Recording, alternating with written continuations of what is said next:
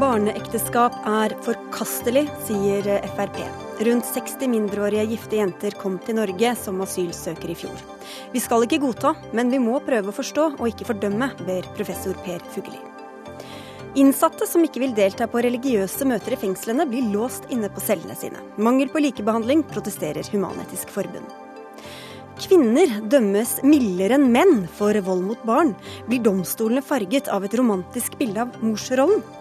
Og norske biologer vil ha egne områder for rovdyr, til høye protester fra Bondelaget.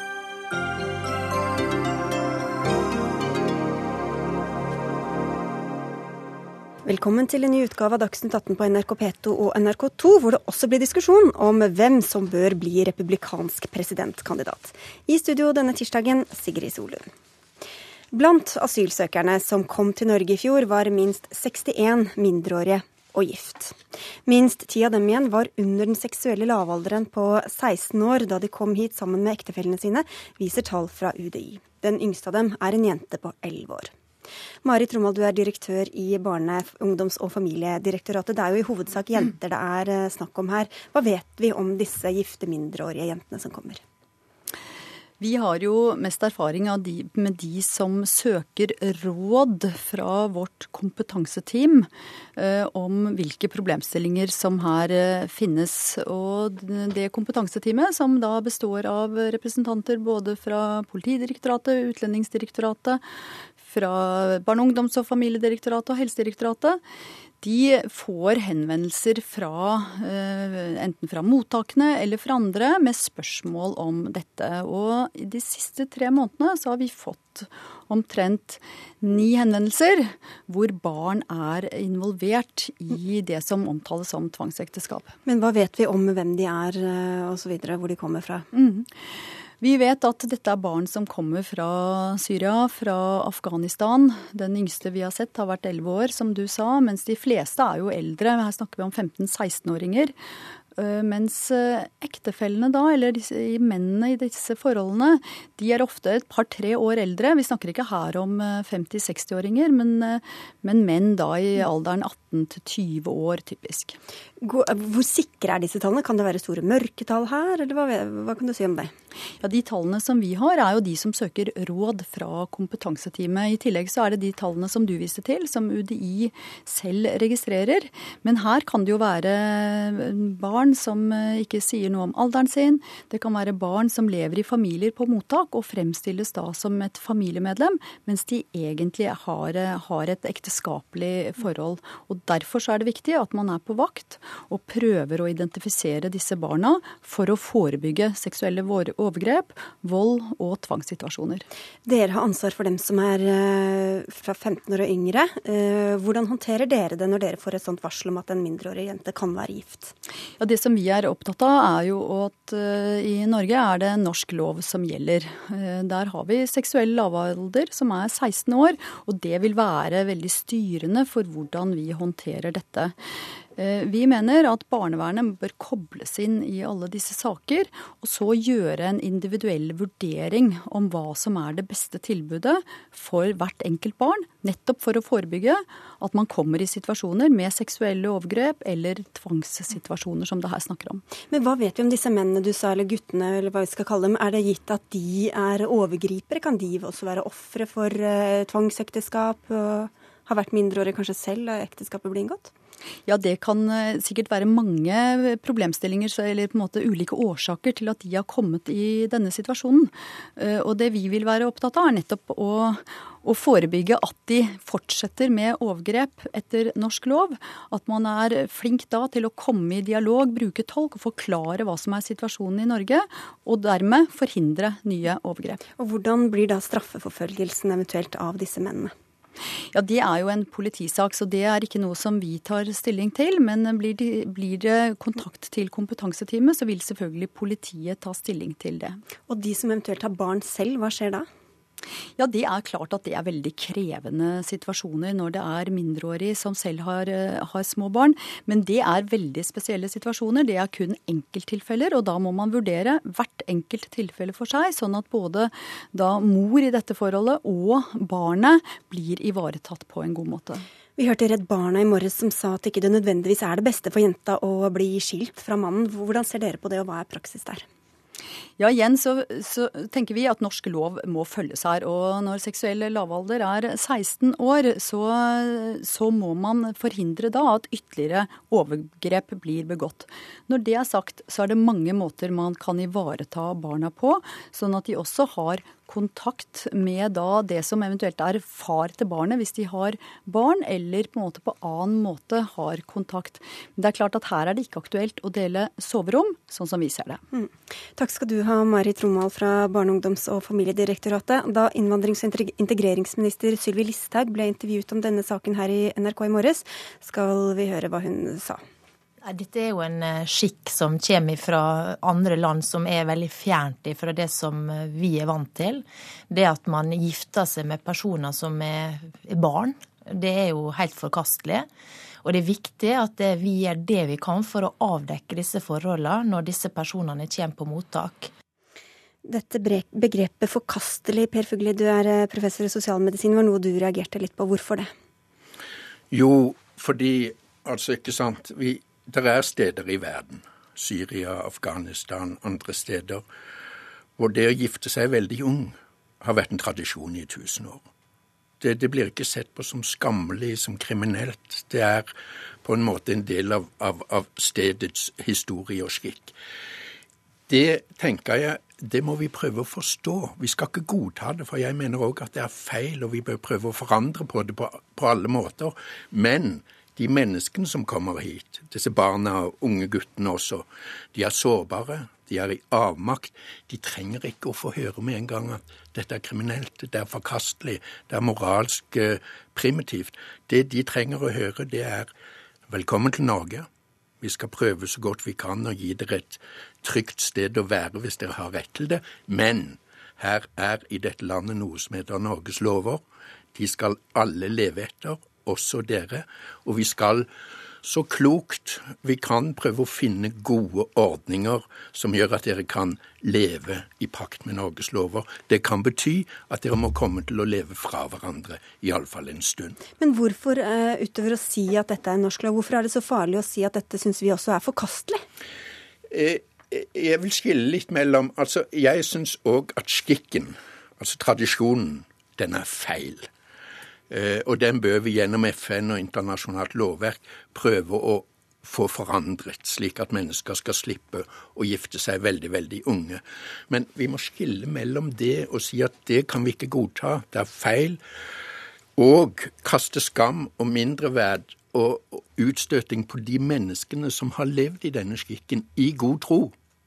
Det er der vi ikke må Og, og så må vi òg huske på at altså nå det vi ønsker oss nå fremfor alt, det er god, trygg integrering. Hverdagsintegrering.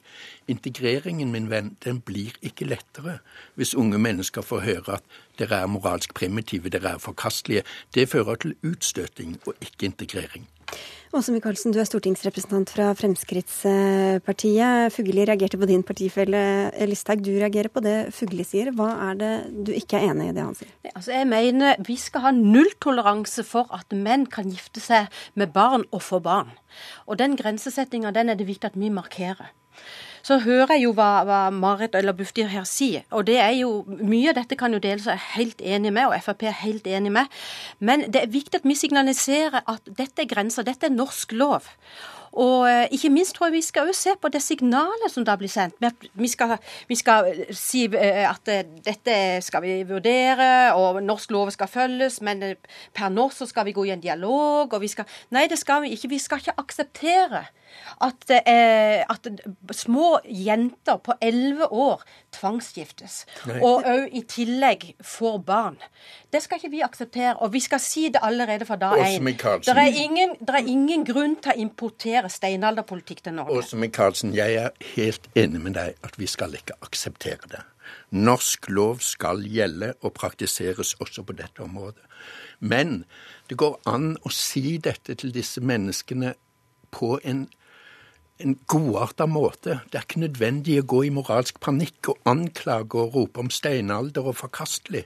Det blir ikke folk bedre av. Husk på, dette er barn, det er unge, de er sårbare. De trenger å bli møtt med mennesker som vil dem vel, samtidig som de er tydelige på at norsk lov skal gjelde. Bare, bare for å skyte inn, Åse Det er jo nettopp det de møter. De møter jo mennesker fra både fra barnevern og andre som ivaretar barnets behov. Det som en gjør her, en, en skal liksom imøtekomme disse her. Og steinalderpolitikk, det var, var Fugli selv som sa det at dette er skikk som de har hatt i tusen år. Som vi hadde Det også for, for lenge Men du siden. trenger ikke bare- kalle dem steinaldermennesker, Men for det, det blir ikke folk bedre av. Det var ikke Hvis- mennesker, det var politikk. Altså, um, Nå glemte jeg helt hva jeg skulle si.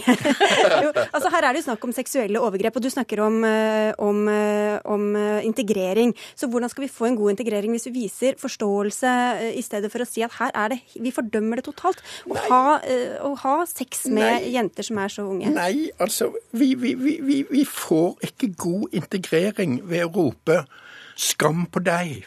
For, fordøm, fordøm, forkast, forkast, utstøting. Vi får god integrering ved å si at all right, dere kommer fra et sted med skikker som vi tar avstand fra, og som vi ikke vil at skal etterleves i Norge, fordi her gjelder Norges lover i krystall, også for dere. Men vi, skal, altså, vi forstår at dere er redde, dere er usikre. Dere kommer fra krig og nød, dere har hatt en jævla reise bak dere. Vi skal prøve å hjelpe dere med klokskap og velvilje, men Norges lover gjelder. Går det ikke an å vise både at dette er ikke lov, vi vil ikke ha det sånn, men samtidig ha en dialog eller snakke ordentlig med dem det gjelder? Ja, men det er ingen som har sagt at en ikke skal være Altså når en kommer, at en blir møtt med personer som sier eh, Altså forklarer norske lover. Det er ingen som står med kjevler på grensa her, altså. Nei, men det er jo ikke det, det, er ikke, det er, Nå er det meg som ordet. Nå det, det er jo sånn Hva blir det neste? Er det at en har lov til å godta eller skal akseptere at en steines? At drap kan begås? Og så skal en komme til Norge og si jeg forstår veldig godt at dere steiner sånn og sånn. Eller hogger av ei hånd pga. en hoggertyver. En skal ikke forstå. Det er feil måte å møte noen på den Nå måten. er du i det som heter moralsk panikk og har mistet nøkternheten og dømmekraften. Det går an å behandle mennesker med folkeskikk samtidig som en står på norsk lov. Og det fremmer integrering bedre enn det å bygge fiende- og skambilder av de andre. Men det Hvordan, hva bør være de praktiske følgene av denne forståelsen vi skal vise, da? Ja, det syns jeg Marit her har gitt en veldig klok øh, øh, et klokt bilde av at her skal fagfolk gå inn, barnevern, helsepersonell gå inn i hver situasjon. Prøve å bygge trygghet og tillit, men være krystallklare på at vi må finne ordninger som stemmer med Norges lover. Fordi seksuelle overgrep, eller altså den seksuelle minstealderen, gjelder i Norge. Barneekteskap er forbudt i Norge. Dette går det an å få til hvis vi nærmer oss det med god vilje. Og i mellomtida skal altså små elleveårige jenter akseptere at vi ser på dette med milde øyne. Det er ikke Men er det, noe, mild- er det ikke bare retorikken som er forskjell? Altså, vil du egentlig noe annet enn det Per Fugelli vil Ja, i jeg har tydelig grense. Har null toleranse for Men å, det vil jo skulle han også egentlig. Han sier jo ikke at dette er OK, at dere skal få fortsette Nei, men han, sånn han skal vise velvilje. Han skal si vi forstår at dere har det sånn, og dere har hatt en lang tur bak der. Og da er det kommet til Norge, og vi skal se hvordan vi kan ordne og få dette her greit til, og så videre. Det er ingen som sagt som skal stå på ei grense med kjevle, men vi skal tydelig vise at Norges lover gjelder, det er vi enige om alle tre. Men grensa er satt, og vi skal ikke gi det signalet til norske som sitter, som kanskje har ja, pedofile eh, eh, bakgrunner, som sier at aha, er dette nesten Altså, akseptabelt? det- det- det- det- du holdt opp en liten finger, jeg vet ikke om den fortsatt gjelder, for å si det sånn. Nei, jeg tenker jo at, eh, at her er det viktig å ha barnas eh, barn i sentrum, og det å forebygge at flere overgrep skjer.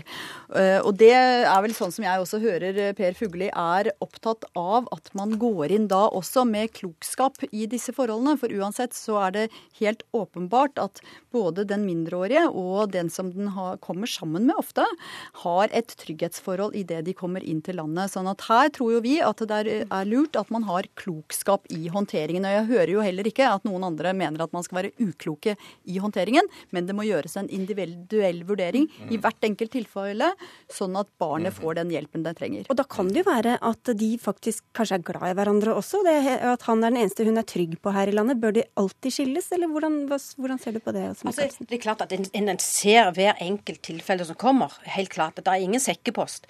Men det som er viktig, er at grensa er der. Og vi har en 16-årsgrense som ligger der. Og et, et jentebarn på 11 år, 12 år Vi hadde ei på 14 ikke sant, som var gravid, som òg hadde et barn på 18 måneder.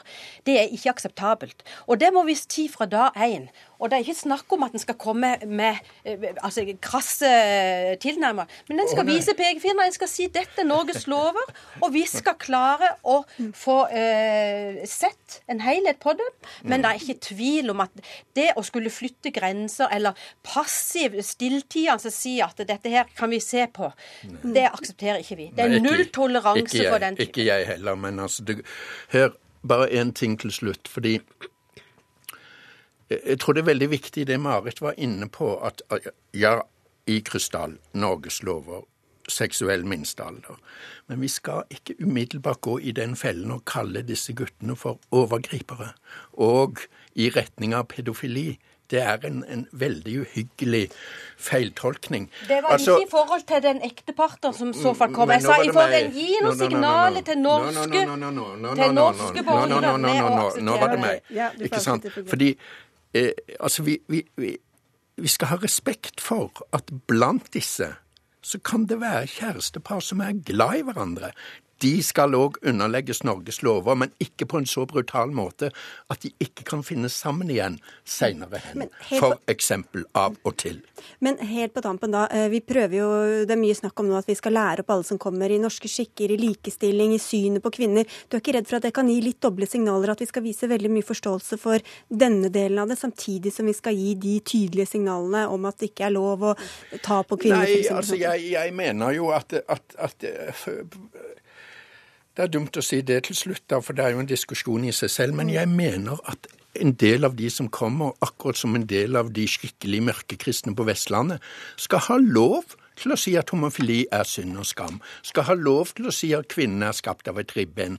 Det er ikke i strid med Norges lover. Det er i pakt med et vitalt, mangfoldig demokrati. Men du er ikke redd det kan bli forvirrende å si både det ene og det andre på en og samme gang? Nei. Her blander eh, fugli eh, hummer og kanari.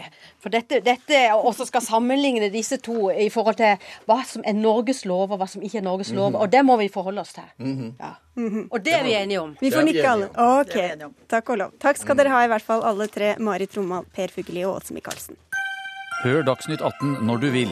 Radio NRK.no.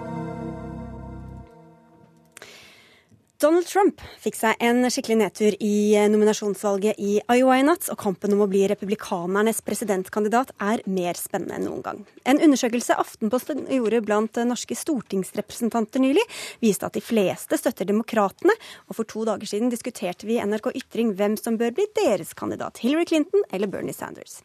Men mange nordmenn håper på et maktskifte i Det hvite hus, og også blant de konservative er det delte meninger om hvem den neste presidenten bør bli bli. De fleste ønsker seg enten Texas-senatoren Ted Cruz eller Florida-senator Marco Rubio. Jan Arild Snoen, du er journalist og kommentator i Minerva og, du, Minerva, og du har holdt med Marco Rubio i tre år. Hvorfor er han mannen som bør bli USAs neste president? Han er den som eh, kan slå demokraten, og det er det viktigste for republikanere nå. At de har en som er valgbar. Han har en bredere appell enn eh, særlig Trump, men også enn Cruise. For han har en stil som er mer imøtekommende og og sympatisk, etter min mening, enn det eh, Cruz har. Mm. Og han har også en politikk som ikke er riktig så langt ut. Rubio er også en stert, svært konservativ herremann, men, eh, men, han er også i stand til å favne også sentrum. Og USA trenger ikke mer polarisering nå. Det vil Cruz gi dem. Ja, For han regnes som en ytterligere til høyre? Ja, og han legger seg ut med alle, inkludert sitt eget parti. Er ikke i stand til å samarbeide om noe som helst. Like fullt er det ham du har falt, falt for, Oskar Grimstad. Du er stortingsrepresentant for eh, Fremskrittspartiet. Du vil også ha et maktskifte, men du mener Ted Cruz bør bli mannen. Hva er det ved ham som eh, gjør ham best egnet, syns du? Ted Cruz er jo en canadiskfødt uh, ung, dynamisk og ærlig friskus som, som uh, definitivt trengs i, i amerikansk uh, politikk. Han har jo ei fortid som senator i Texas. Han er faktisk også den, den yngste riksadvokat Eh, sittende riksadvokat.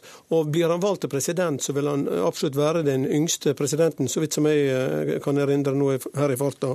Han er på mange måter en, en kristenkonservativ eh, kandidat for republikanerne, som, som står på, på, de ekte verdiene som familiemann, som mener at personlig velstand oppnås gjennom hardt arbeid og besluttsomhet. Og når vi snakker om, om, om framstår sympatisk, jo etter norsk målestokk så, så vil nok begge disse to eh, være noe utenfor for, for den norske politiske sfæra. Men, men, å dømme etter eh, altså sagt, eh, jeg tror Ted Cruz har en større sjanse, og det visste jo valget i dag i i Iowa at, mm. at han overraska de fleste. Nå kan det naturligvis ha en bakgrunn med, med at Iowa er jo et i hovedsak landbruksstat. Og, og evangelistisk, og... evangelistisk, ikke minst. ja, Tre millioner innbyggere, mange bønder. Så, så, men, men, jeg mener at Ted Cruz er Han er mannen. Han er mannen. Ja.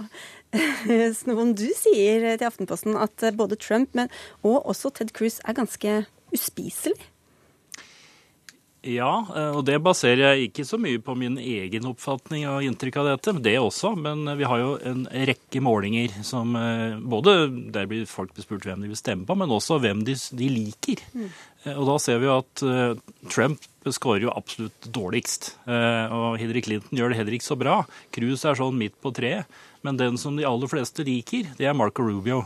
Ikke de, ikke de beinharde demokratene, men, men, de som er i midten. De velgerne som det skal gå etter i midten, de liker Marco Rubio mye bedre enn de liker Ted Cruz. Og det har noe både med, med stil, men det har også noe med politikk. Eh, Rubio har utviklet en politikk på en del områder, f.eks. studiefinansiering og inntekt for de lavtlønnede, som Cruz mangler.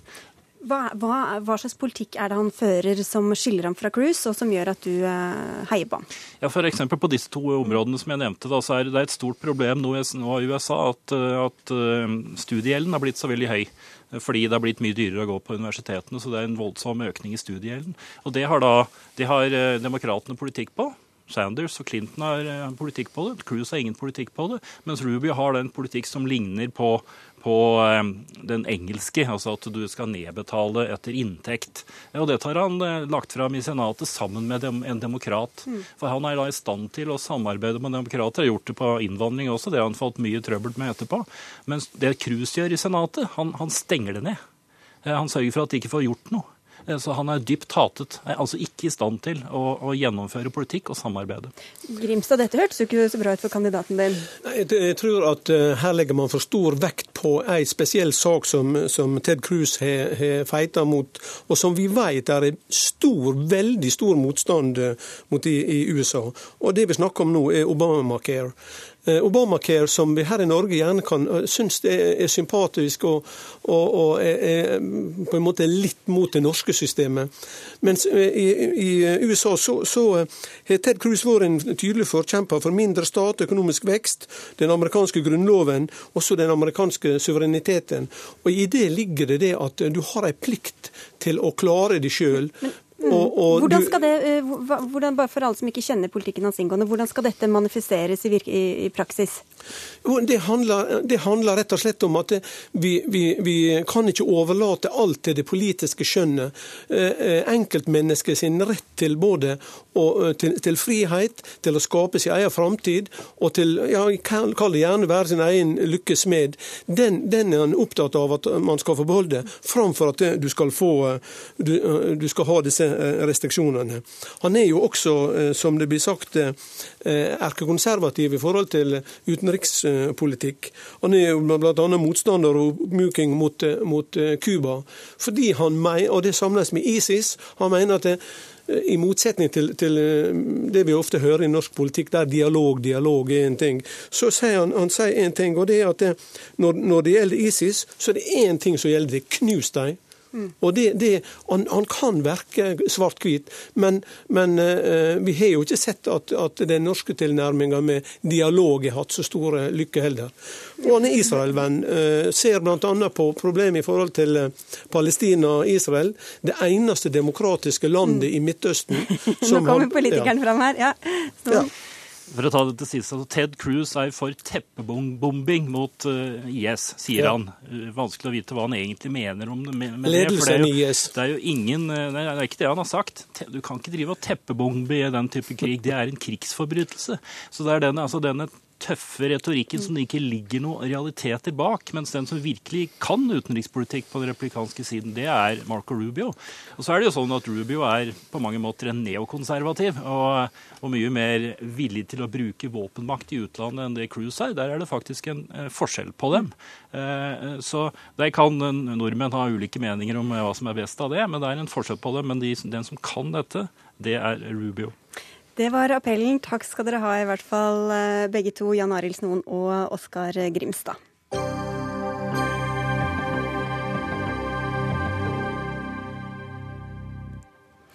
Når foreldre stilles for retten for vold mot barna sine, dømmes mor mildere enn far. Det skrev Aftenposten i går. Avisa har gått gjennom dommer der mødre og fedre har vært voldelige mot egne barn. Analysen viser at mødre tiltalt for vold i større grad slipper soning og får lavere straff pga. rollen sin som mor. Ifølge voldsforskere står mødre for rundt halvparten av volden som barn utsettes for hjemme. Likevel påpeker de at vi har svært vanskelig for å tro det. Men først til denne undersøkelsen, Line Hjort. Du er stipendiat ved Senter for humanistisk rettsforskning ved Universitetet i Bergen. Og du har vurdert eh, dette materialet fra Aftenposten og sett spesielt på 20 utvalgte dommer. Hva var det du fant? Ja, altså, eh, Det er jo et veldig begrensa utvalg eh, som Aftenposten har foretatt for oss. Men det vi kan se, det er primært tre tendenser da, som gjør seg ganske gjeldende. Og Det er eh, for det første at i sakene hvor mor er tiltalt, så er far fullstendig fraværende. Altså Han, figurerer ikke i, i dommene. Det er kun i én av disse sakene som eh, vi har gjennomgått eh, mot mødrene, hvor, eh, hvor far i det hele tatt blir nevnt. Og Derfor er det jo nærliggende å tolke disse mange formidlende underliggende omstendighetene da, i tiltalene mot mor i retning av at det enten så finnes det ikke noen far, eller far han er ikke en omsorgsgur for barna, eller at retten rett og slett ikke tillegger far eh, betydning. Mm. Og Den andre eh, tendensen vi ser er at i, i, sakene hvor far er tiltalt, så er det påfallende at mor også er et, eh, et eh, offer for overgrep, ikke kun ungene. Mm. I, over, altså, I halvdelen av disse 20 sakene så er far tiltalt for vold både mot mor og barn. Men, det, nei, unnskyld. Ja, nei, bare, dette er jo et saksforhold og ikke en, en, en framstilling, men det påvirker antageligvis sakens fremstilling um, at, eh, at uh, mor også er uh, et offer. Og det tredje, hvis jeg bare kan få uh, gjort ferdig de funnene våre, så kan vi diskutere etterpå, det er at det tredje elementet som utmerker seg um, i fremstillingen, det er at moren også er et offer for sine egne handlinger.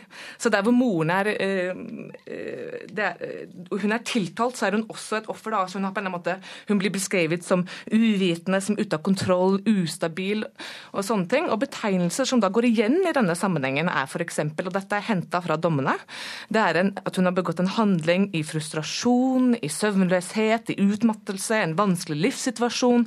Hun mestret ikke, hun evnet ikke å ta inn over seg, eller hun er ikke innforstått med, eller er emosjonelt ustabil. Da. Og Disse karakteristikkene de kombineres gjerne med ganske positive egenskaper. Mm. Som at hun f.eks. er velmenende, hun er ærlig, hun er hjelpsom, hun innretter seg lojalt, og hun har gode egenskaper som mor. Så mødrene har åpenbart handlet i situasjoner hvor de var ustabile og har ikke vært klar over hva de faktisk gjorde, eller konsekvensene av det. Og disse positive karakteristikkene de figurerer i dommene. At de figurerer i dommene i det hele tatt, kan jo implisere at moren antagelig har utvist anger i møte med retten. Hun har kanskje vært skamfull, hun har unnskyldt seg. Og at dette da, i kombinasjon med en ganske sterk vektlegging av hennes rolle som omsorgsfigur, kan jo eh, påvirke rettens domsavsigelser. Hvordan blir far fremstilt eh, i motsetning eller i forhold til mor, da? Ja, men far blir jo ikke framstilt på samme måte. Eh, og Der kan jeg eh, komme inn på det med at nettopp fordi kvinnene har denne offerrollen i flere dimensjoner, så blir hun også lettere et subjekt som blir som, som, Og det er jo i framstillingen at man blir et subjekt. Så disse sakene da, hvor far er tiltalt, og fravær av formidlende omstendigheter ledsages av dette fullstendige fraværet av hans betydning som omsorgsfigur, så gjør det at han heller ikke framstår som et subjekt. Han forblir bare gjerningsmann. Og Derfor så kan man jo spørre seg selv om moren da i høyere grad spiller på noen av disse forestillingene om betydningen av hennes morsrolle. At hun faktisk kan bruke en slags anger og uvitenhet som virkemiddel, hvor faren jo han ikke i samme grad kan benytte seg av en slik kulturell forestilling om farsrollens betydning. Så framstillingen er ikke like stor på en eller annen måte fordi han forblir denne gjerningsmannen og ikke blir et subjekt da på samme måte. Ok. Eh, Dagfinn Grønvik, du er tingrettsdommer i Oslo tingrett og styremedlem i Dommerforeninga. Dette ulike synet på mor og far som kanskje da kommer fram her, er det noe dere, eller du kjenner deg igjen i? Nei, det gjør jeg ikke. Men uh, like handlinger skal jo straffes likt, og det er alle helt enig i. Og skjønnet er i seg selv åpenbart ikke en særskilt formildende eller skjerpende omstendighet. Uh, men jeg er enig i at den undersøkelsen er interessant, og det er grunnlag til å reflektere om det i dommer blir vektlagt irrelevante hensyn, eller om relevante hensyn blir tallagt til uløkt vekt. Og Jeg kan selvsagt ikke utelukke at i enkelte dommer så er det noen fordommer som ligger til grunn. Men det er vanskelig å sammenligne sakene. Og i, de, i disse sakene som her er gjort, så har Aftenposten funnet ut ca. 187 saker, hvorav 20 eh, saker har Lindeberg og Universitetet i Bergen undersøkt. altså Det er ca. litt over 10% av sakene. Og da vil jeg anta at de har plukka ut de sakene som kanskje har noe å si for dette. her. Sånn. Så det er en feilmargin her. Eh. Veldig stor feilmargin. Mm. Men, men, og, og, og, jeg har lyst til å påpeke noe. Og Spesielt blir det vanskelig med sammenligning hvis det faktisk er en overrepresentasjon av menn som utøver vold mot barn. Og særlig hvis mennene har hatt forholdsvis mindre av det reelle omsorgsansvaret. For dette barn, og det følger av Barnekonvensjonen og Grunnloven, skal ha et grunnleggende hensyn. slik at hvis det er en reell forskjell der, sånn, så skal vi legge vekt på det i forhold til barnet. Og da kan det tenkes at det er relevant å legge vekt på dette. sånn. Men da må man gå inn på den enkelte dommen og undersøke den. Og det eh, har ikke jeg hatt anledning til, selvsagt. slik at jeg utelukker ikke at det kan være uheldige formuleringer. Det er ikke sikkert at det har betydning. Det kan også være sånn som Marius Dietrichson, at av og til så legger ja, nei, ja, nei, nei, Av og til så legger forsvarer opp til uh, mer et forsvar av mor i forhold til uh, den slags omsorgsevne og sånt enn han gjør til far. Og det kanskje er fordi at far ikke er i den omsorgsposisjonen. Ja, så Det er jo vanskelig å sammenligne alt dette uh, som sånn rent kvalitativt. Men det kan jo også være, kriminolog Vibeke Ottesen, at for mange så er det vanskelig å se for seg at mor utøver vold mot, mot sitt eget barn. Du leverte en doktorgrad som handler om barne barnedrap i eh, desember. Eh, tror du at det kan være vanskelig for både politi og domstol å, å se på mor som en eh, voldsutøver? Ja, det tror jeg absolutt.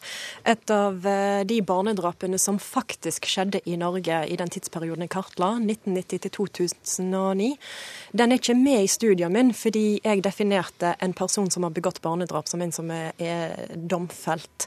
Og i en sak der et lite barn ble drept i Norge, Byron, så ble mors kjæreste til slutt, etter flere omganger i retten, frikjent.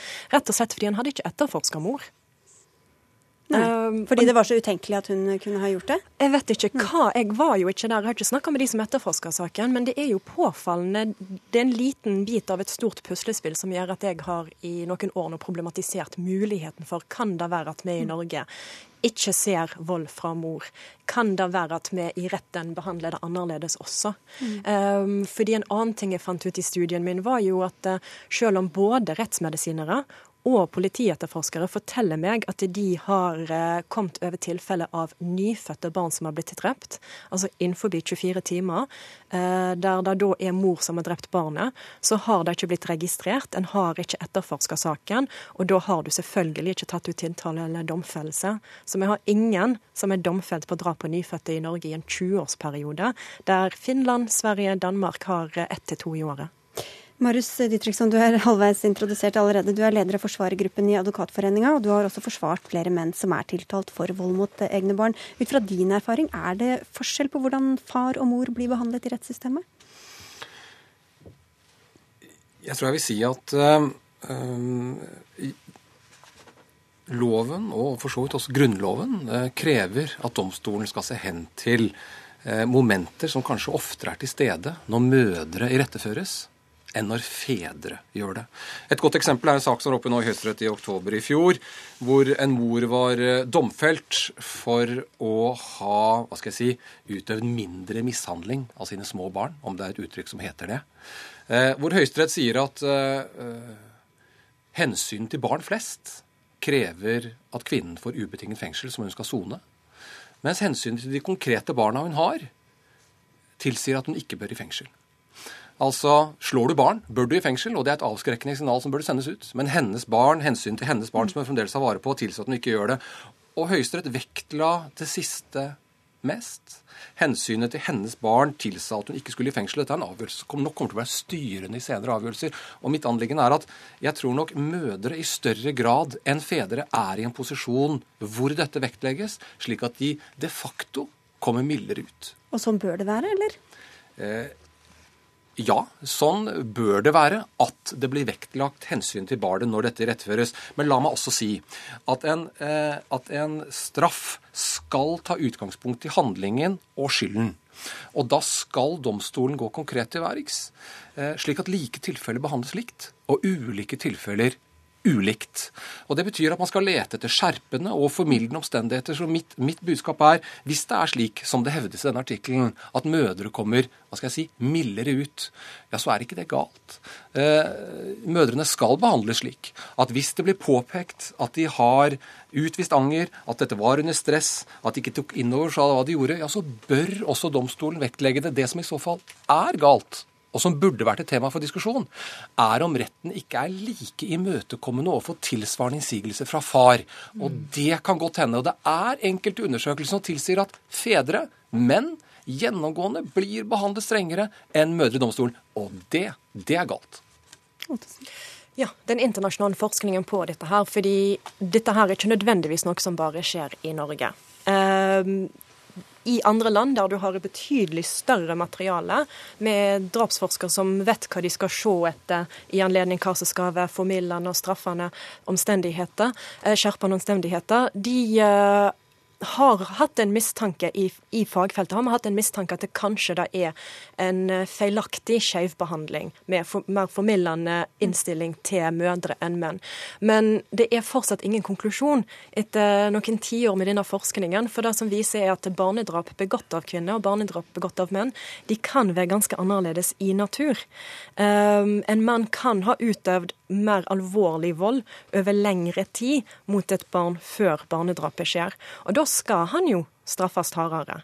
En kvinne kan ha utvist i en omsorgsrolle eh, en omsorg for disse barna.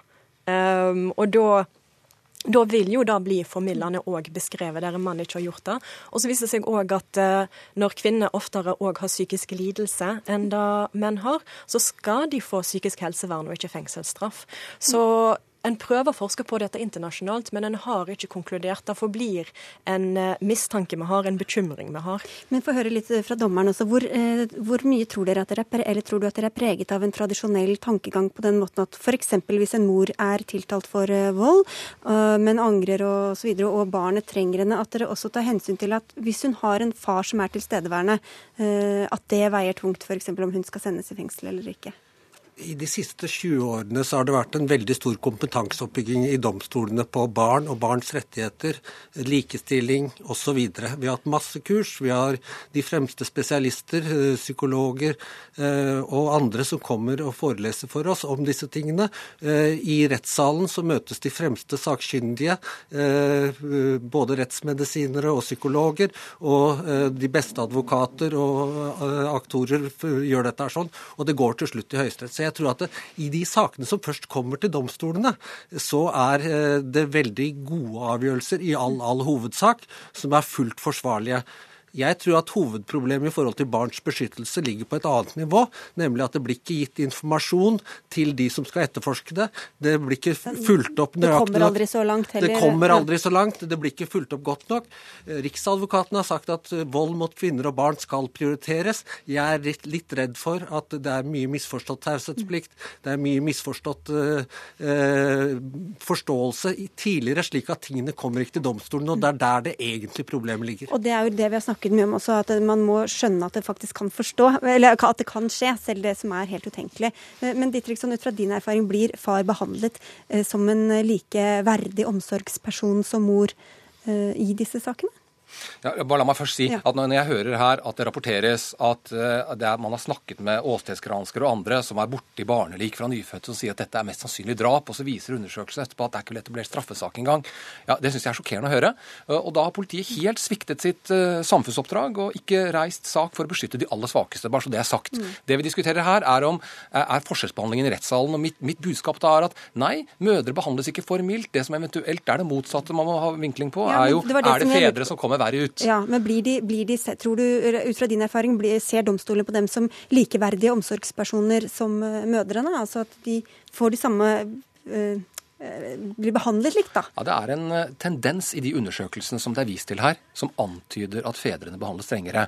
Eh, hva, hva årsaken er, det må det jo mer forskning til for å slå fast. Men jeg syns det var en interessant teori som ble lansert av en representant for Domforeningen i avisen i går, hvor det, ble, hvor det ble antydet noe i retning av at domstolen er veldig vant til å møte menn. Så det er en slags slitasjeskade menn møter i domstolen, mm. hvor det ja, OK, vel, vel, høre hva du sier, vel, vel, ferdig, dømt. Mens man er ikke så vant til å møte kvinner. Og da gjør domstolen kanskje enda flinkere til å gjøre det de skal gjøre med hver enkelte tiltalt, også menn, er å se den enkelte tiltalt i mm. dens egen situasjon, dømt ut fra dens egne forutsetninger. Og da er man kanskje litt mer lydhøre når den en sjelden gang møter en kvinne. Ja, kanskje det faktisk er slik, sånn som du sier, at dette var under spesielle omstendigheter dette skjedde på. Så det tror jeg det er på. Og der gjør jo domstolen jobben sin, men kanskje, kanskje man er litt for rask, da når man møter menn. Eh, det vet jeg ikke, dette må det mer forskning til, og kan helt sikkert dommerrepresentanten si. Vi får konkludere med at alle får gå i seg selv eh, helt fra, fra begynnelsen, mistanken om at noe kan, kan, ha skjedd. Absolutt. Vi må kunne gjenkjenne at uh, de kvinnene vi kjenner i livet vårt, kan gjøre vonde ting, de òg. Og da må de ansvarliggjøres på, på samme måte som vi ville gjort hvis det var en mann som hadde gjort det.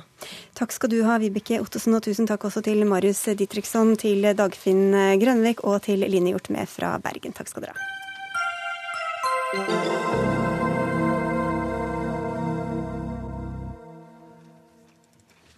Innsatte som ikke vil delta på religiøse møter i fengslene, blir låst inne på cellene sine mens møtene pågår. Og det må de akseptere, sier Kriminalomsorgsdirektoratet til Vårt Land. I går skrev avisa at innsatte i Trondheim fengsel er frustrerte over ordninga, og de har klaget fengselet inn for Likestillings- og diskrimineringsombudet for brudd på diskrimineringsloven. Jorid Midtlyng, du er direktør for kriminalomsorgen i Region Nord. Hvorfor låser dere innsatte inn på cellene hvis de ikke ønsker å delta på religiøse møter i fengselet? Ja, Først så vil jeg presisere at jeg snakker ikke på vegne av Trondheim fengsel, men generelt om hvordan vi har det med hensyn til sånne spørsmål i etaten. Og er det et par grunnleggende prinsipp som er viktig å framholde for virksomheten vår. Det ene er normalitetsprinsippet, altså at den enkelte innsatte kun er fratatt friheten, og at den skal ha tilgang til rettigheter og tjenester og tilbud som alle andre. Det er bakteppet for bl.a. Eh, gudstjenestene. Det andre er jo at vi prøver å tilrettelegge for mest mulig fellesskap, men det må av og til begrenses i form av eh, innlåsing. Og det er sikkerheten som er det overordna prinsippet.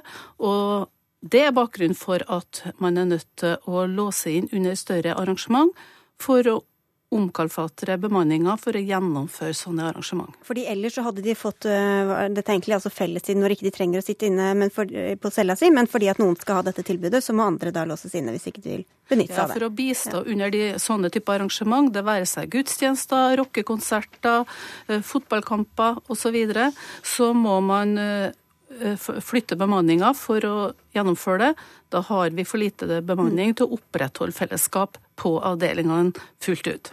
Kristin Gille, du er generalsekretær i Human-Etisk Forbund, og dere er ikke så fornøyd med denne ordninga?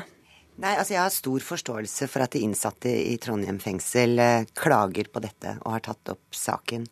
Eh, det som er situasjonen, er jo at noen eh, får en, kanskje en fordel, eller i hvert fall en, en mulighet, som andre ikke får. Men det, det som er mest alvorlig, er jo at de som da ikke skal delta Eh, får en ulempe ved å bli låst inn. Mm. Det, det, det, mener jeg er en forskjellsbehandling. Og her snakker vi også om at eh, hva skal jeg si, særbehandlingen har, eh, og dermed forskjellsbehandlingen har sitt utspring i religion. Og man skal altså ikke forskjellsbehandle pga. religioner eller livssyn. Ja, Midtlyng, dere forskjellsbehandler pga. livssyn og religion? Det vil jeg tilbakevise. fordi det er nok sånn at hverdagen i våre 40 fengsel cirka, er nokså forskjellig i forhold til størrelse og bemanning. Og det er nok det å tilrettelegge for at lag, organisasjoner og andre aktører som uh, kan bidra inn i fengselshverdagen, som er utgangspunktet uh, for hva fengslene gjør. Og da må man i veldig stor grad ta hensyn til hva som passer også for arrangørene. Men kan dere ikke legge det til utenom den fellestida til de eh, innsatte, da? Sånn at det ikke går utover andre? Ja, det spørsmålet kan jeg forstå. Nå er det også sånn at uh, men hva har svar på det? Ja, eh, Normalitetsprinsippet det sier også at dag, dagen i fengselet den skal i hovedsak bestå av arbeid, det er nemlig aktivitetsplikt, eller opplæring i, i skolens regi. Sånn at gudstjenester, konserter og andre aktiviteter er å betrakte som en fritidsaktivitet, som for oss andre, og de foregår fortrinnsvis på kveld og i helger. Og der kan da problemet oppstå. Ja, Mille? Ja, jeg syns jo nettopp derfor det er en stor forskjell på eh, religiøse skal si, seremonier eller aktiviteter og andre aktiviteter. For det er helt klart at eh, en religiøs seremoni er der for medlemmene i det trossamfunnet, ikke for alle de andre. Og jeg forstår det også sånn at når det gjelder som i hvert fall Vårt Land skrev, når det gjelder katolikker og muslimer, så har de samlinger når det ikke er fellestid. Og jeg tenker det er to løsninger på dette. Det ene er å la de som ikke går på gudstjeneste, ha eh, fellestid. Det andre er å gjøre dette utenom fellestid. Det tredje alternativet er selvfølgelig eh, å si at man ikke skal ha gudstjenester, men der er jeg enig i at det er en, en, del av religionsfriheten, så det er vanskelig å si at de ikke skal ha tilgang på hva skal jeg si, det kirken eller trossamfunnet byr sine medlemmer. Men her er det jo snakk om ressurser, og så er det sikkert noen som tenker at de sitter jo faktisk i fengsel, så det å bli mm. låst inne på celle er kanskje noe man må forvente? Ja, men det er altså en offentlig institusjon som skal likebehandle de som institusjonen eh, ivaretar. Eh, og det syns jeg er et viktig prinsipp, og da skal man ikke forskjellsbehandle pga. religion. Nei, men men det jeg prøver å si, er at i den grad det er en forskjellsbehandling systematisk mellom ulike livssyn, så tror jeg det er overhodet ikke tilsikta fra noen av våre fengsel. Eh, men det kan handle om de ulike aktørene sine muligheter til deltakelse eh, til å komme og gjøre arrangementer. Og jeg tror heller ikke at det er sånn at eh, det som man har sett av konkret praksis ved Trondheim fengsel, er nøyaktig likt fra fengsel til fengsel. For her har den enkelte fengselsleder Eh, ansvar for å finne lokale løsninger. Og jeg er ganske sikker på at eh, andre livssynsorganisasjoner også vil kunne være nødt til å ha sine arrangementer på tide der det krever utelukkelse av andre. Dere får dra på alle alternativ sjøl. Ja, jeg syns ikke det er noen god forklaring om det er tilsiktet eller ikke. Det det, det er snakk om her, er jo å sette sikkerhet eh, si, opp mot likebehandling. Og da mener jeg at man må finne en løsning som både i hva Jeg skjønner godt at det er et sikkerhetsaspekt ved dette, men da må man finne en løsning som både ivaretar sikkerhet og likebehandling. Mm. Eh, og, og jeg håper og tror tror jo ikke at dette skjer i alle fengsler, men i Trondheim fengsel skjer det. Vi får se hva de sier fra Likestillings- og diskrimineringsombudet. Takk skal dere ha begge to, Kristin Mile fra Human-Etisk Forbund og Jorid Midtling fra Kriminalomsorgen region nord. Hør Dagsnytt 18 når du vil. Radio NRK Radio.nrk.no.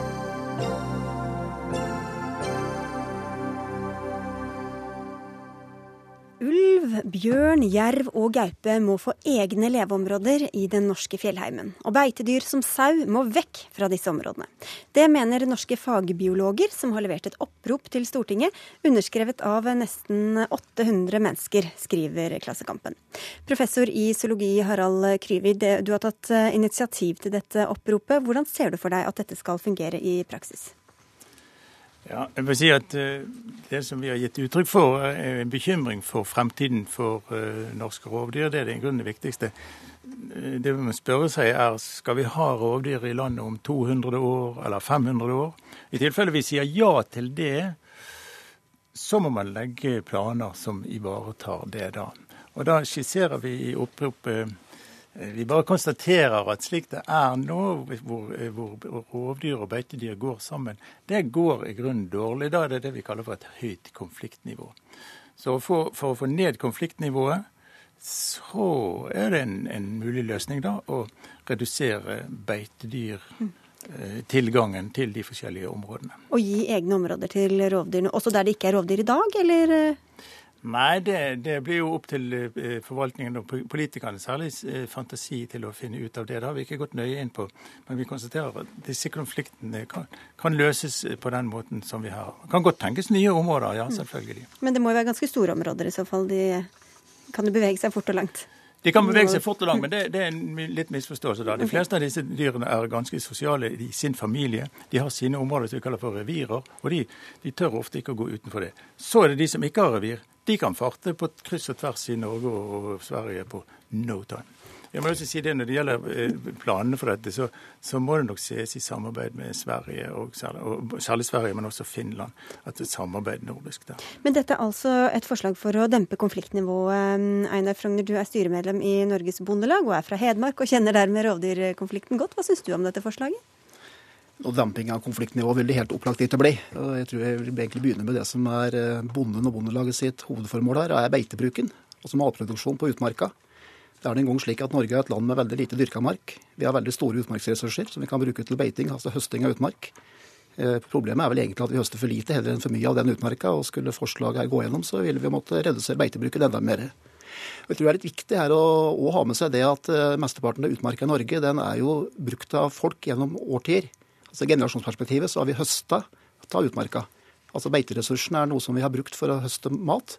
Og måten vi har brukt utmarka på, det har eh, gitt den utmarka vi har i dag, både i høgfjell og i skogslandskapet. Så vi snakket om villmark i Norge. Vi snakka her om eh, arealer som er brukt aktivt til å akkurat høste matproduksjon.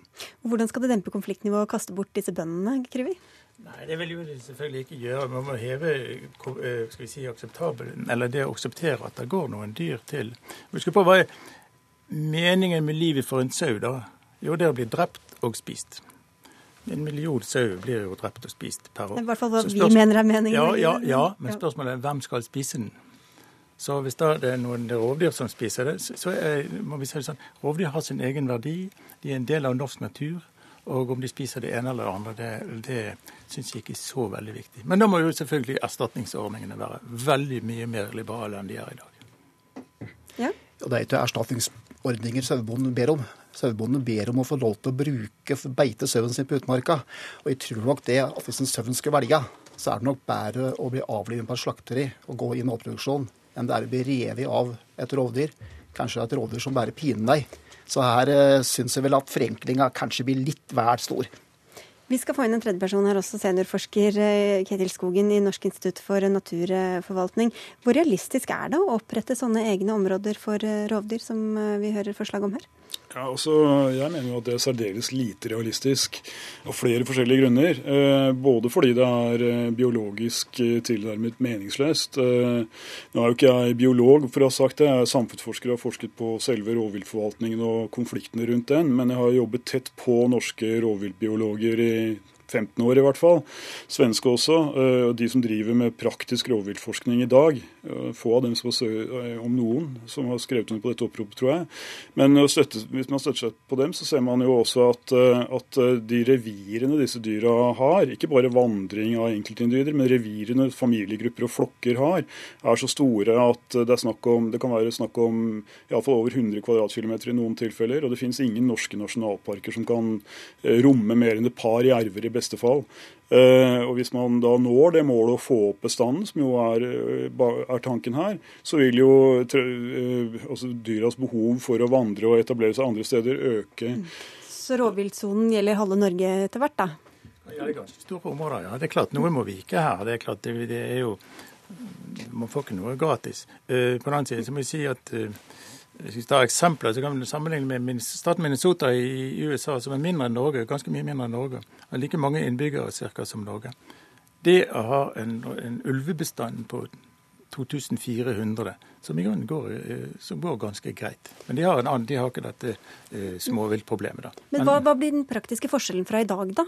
Altså sånn som det er i dag, med forslaget deres? I dag er det egentlig ingen områder som er avsatt til rovdyr. Hvor det ikke er lov å skyte? Nei, det, altså, det meste av Norge er definert som landbruksområde, som det nettopp eh, var sagt her. Og det er jo da en bevisst politikk. Mm. Så, og hvis denne bevisste politikken fortsetter, det er vårt budskap, så ser vi for oss at det kan gå ganske dårlig med norske rovdyr. Så vi må forandre på den, den uh, forvaltningsordningen. Så, uh, og hvis det går i Minnesota, så kan det kanskje gå i Norge? Uh, ja, nå er det ikke konfliktfylt i Minnesota heller, eller, eller noe annet sted. Men uh, konfliktfritt, konfliktfritt, ja. konfliktfritt, i Minnesota heller, eller noe annet sted. Men uh, i Minnesota er jo ikke disse ulvene i noe bestemt verneområde. Og det er jo typisk også for de områdene hvor store rovdyr har kommet tilbake Eh, i stort omfang i nyere tid, både i Nord-Amerika og ikke minst i Europa, det er jo at de har etablert seg i flerbrukslandskap, hvor de deler disse landskapene med mennesker. Ikke uten konflikter, men de er nå der. Eh, når man kan si at eh, det politiske konfliktnivået rundt, eh, rundt, de store rovdyra er høyere i Norge enn i en del andre land, så er nok det pga. særlig distriktene og distriktsnæringenes sterke politiske stilling i Norge, som skiller seg en del fra situasjonen i de fleste sentraleuropeiske land f.eks., som gjør at eh, de si, rovdyrkritiske stemmene har en større styrke da, i Norge enn i en, en del andre land. Men selve konflikten rundt rovdyras tilbakekomst der nede på grasrota, den er omtrent identisk i de fleste europeiske land, og i USA f.eks. Hvis man ser på situasjonen rundt Yellowstone, som ofte er et sånt glanseksempel, da, når man tenker på hva som skjer med økosystemer når eh, store rovdyr kommer tilbake, primært ulv, så er jo det ekstremt konfliktfylt i områdene rundt parken f.eks., for fordi de selvfølgelig beveger seg ut av den. da. Ja, men da kan man jo spørre Frogner, altså vi, vi, skal jo ha en levedyktig rovdyrbestand eh, av de fire store rovdyrene her, her, i Norge. Hvorfor ikke bare innrettes etter det? og Lære oss å leve med hverandre, selv om noen sauer går tapt på veien også? Jeg tror vi kan bruke et veldig enkelt bilde. Vi har jo ei ulvesone øst for Glomma. Der er beitebruken i praksis borte. Det høstes ikke mat i utmarka. Og streifdyr fra den sona sprer seg utafor sona, i ferd med å true beitebruken langt utafor der det skal være. Tilsvarende eksempler har vi rundt bjørnestammen i Lierne i Nord-Trøndelag, der Lierne er tømt for beitedyr. Bygdene utafor er òg i ferd med å oppnå det samme. Så jeg tror her det er veldig viktig å se på hva er det vi ønsker å bruke utmarka til. Skal vi bruke det som en naturreservat, eller skal vi bruke det til aktiv bruk og til en matproduksjon? Og jeg vil si at Når det sies at distriktsnæringen har så sterke krefter, ja heldigvis. Det er veldig mange som er opptatt av at vi skal ha levende bygder. Opptatt av at vi skal høste utmarka. Og bygdene våre er helt avhengig av det. På samme måten som matproduksjonen vår er avhengig av at vi gjør det òg i framtida. Ja, vi i oppropet argumenterer jo da for at vi skal bruke utmarken og villmarken for å ta vare på de store rovdyrene, med de utgiftene som det, eller problemene som det fører med seg. Hvis du ser i, sammenlignet med Afrika, f.eks., svære nasjonalparker, så er det klart vi kan ikke drive kvegdrift der. Vi kan ikke slippe en, en hund løs der. Det, det, går bare ikke. Så det blir nok noen som må, eh, som må altså Storsamfunnet må gjøre noen eh, konsesjoner og noen ofre for å få dette til. det er det vi argumenterer for. Og da kan offeret rett og slett bli at vi ikke lenger får et landbruk altså med, med, dyr i Norge? Det kan det bli i områder. Ja, det kan det bli. Og det er det verdt? Ja, etter vårt syn så klart. Mm. Det er mange som har skrevet under her, men ut fra din erfaring eh, skogen, så er det vel neppe å tro at de får gjennomslag sånn politisk? Det er vel ytterst tvilsomt, ja. Det vil jo medføre ganske store endringer eh, bl.a. når det gjelder rettighetsforhold, juridiske og hevdvunne rettigheter i norsk utmark. Økonomisk, sterke økonomiske interesser selvfølgelig, og folks, eh, altså den kulturelle betydningen som utmarka har og høsting i utmarka har i Norge og i mange andre land. Vil jo selvfølgelig sette en stopper for det her. Altså. Og Det er jo veldig få eksempler, om noen, på at dette her, denne modellen har ført er hva skal vi si, løsningen på forvaltningen av store rovdyr spesielt, og andre store, store, pattedyr som potensielt kan skape konflikter. Når det gjelder situasjonen i Afrika f.eks., så er det nok ikke riktig at det er konfliktfritt i store nasjonalparker som f.eks. Serengeti.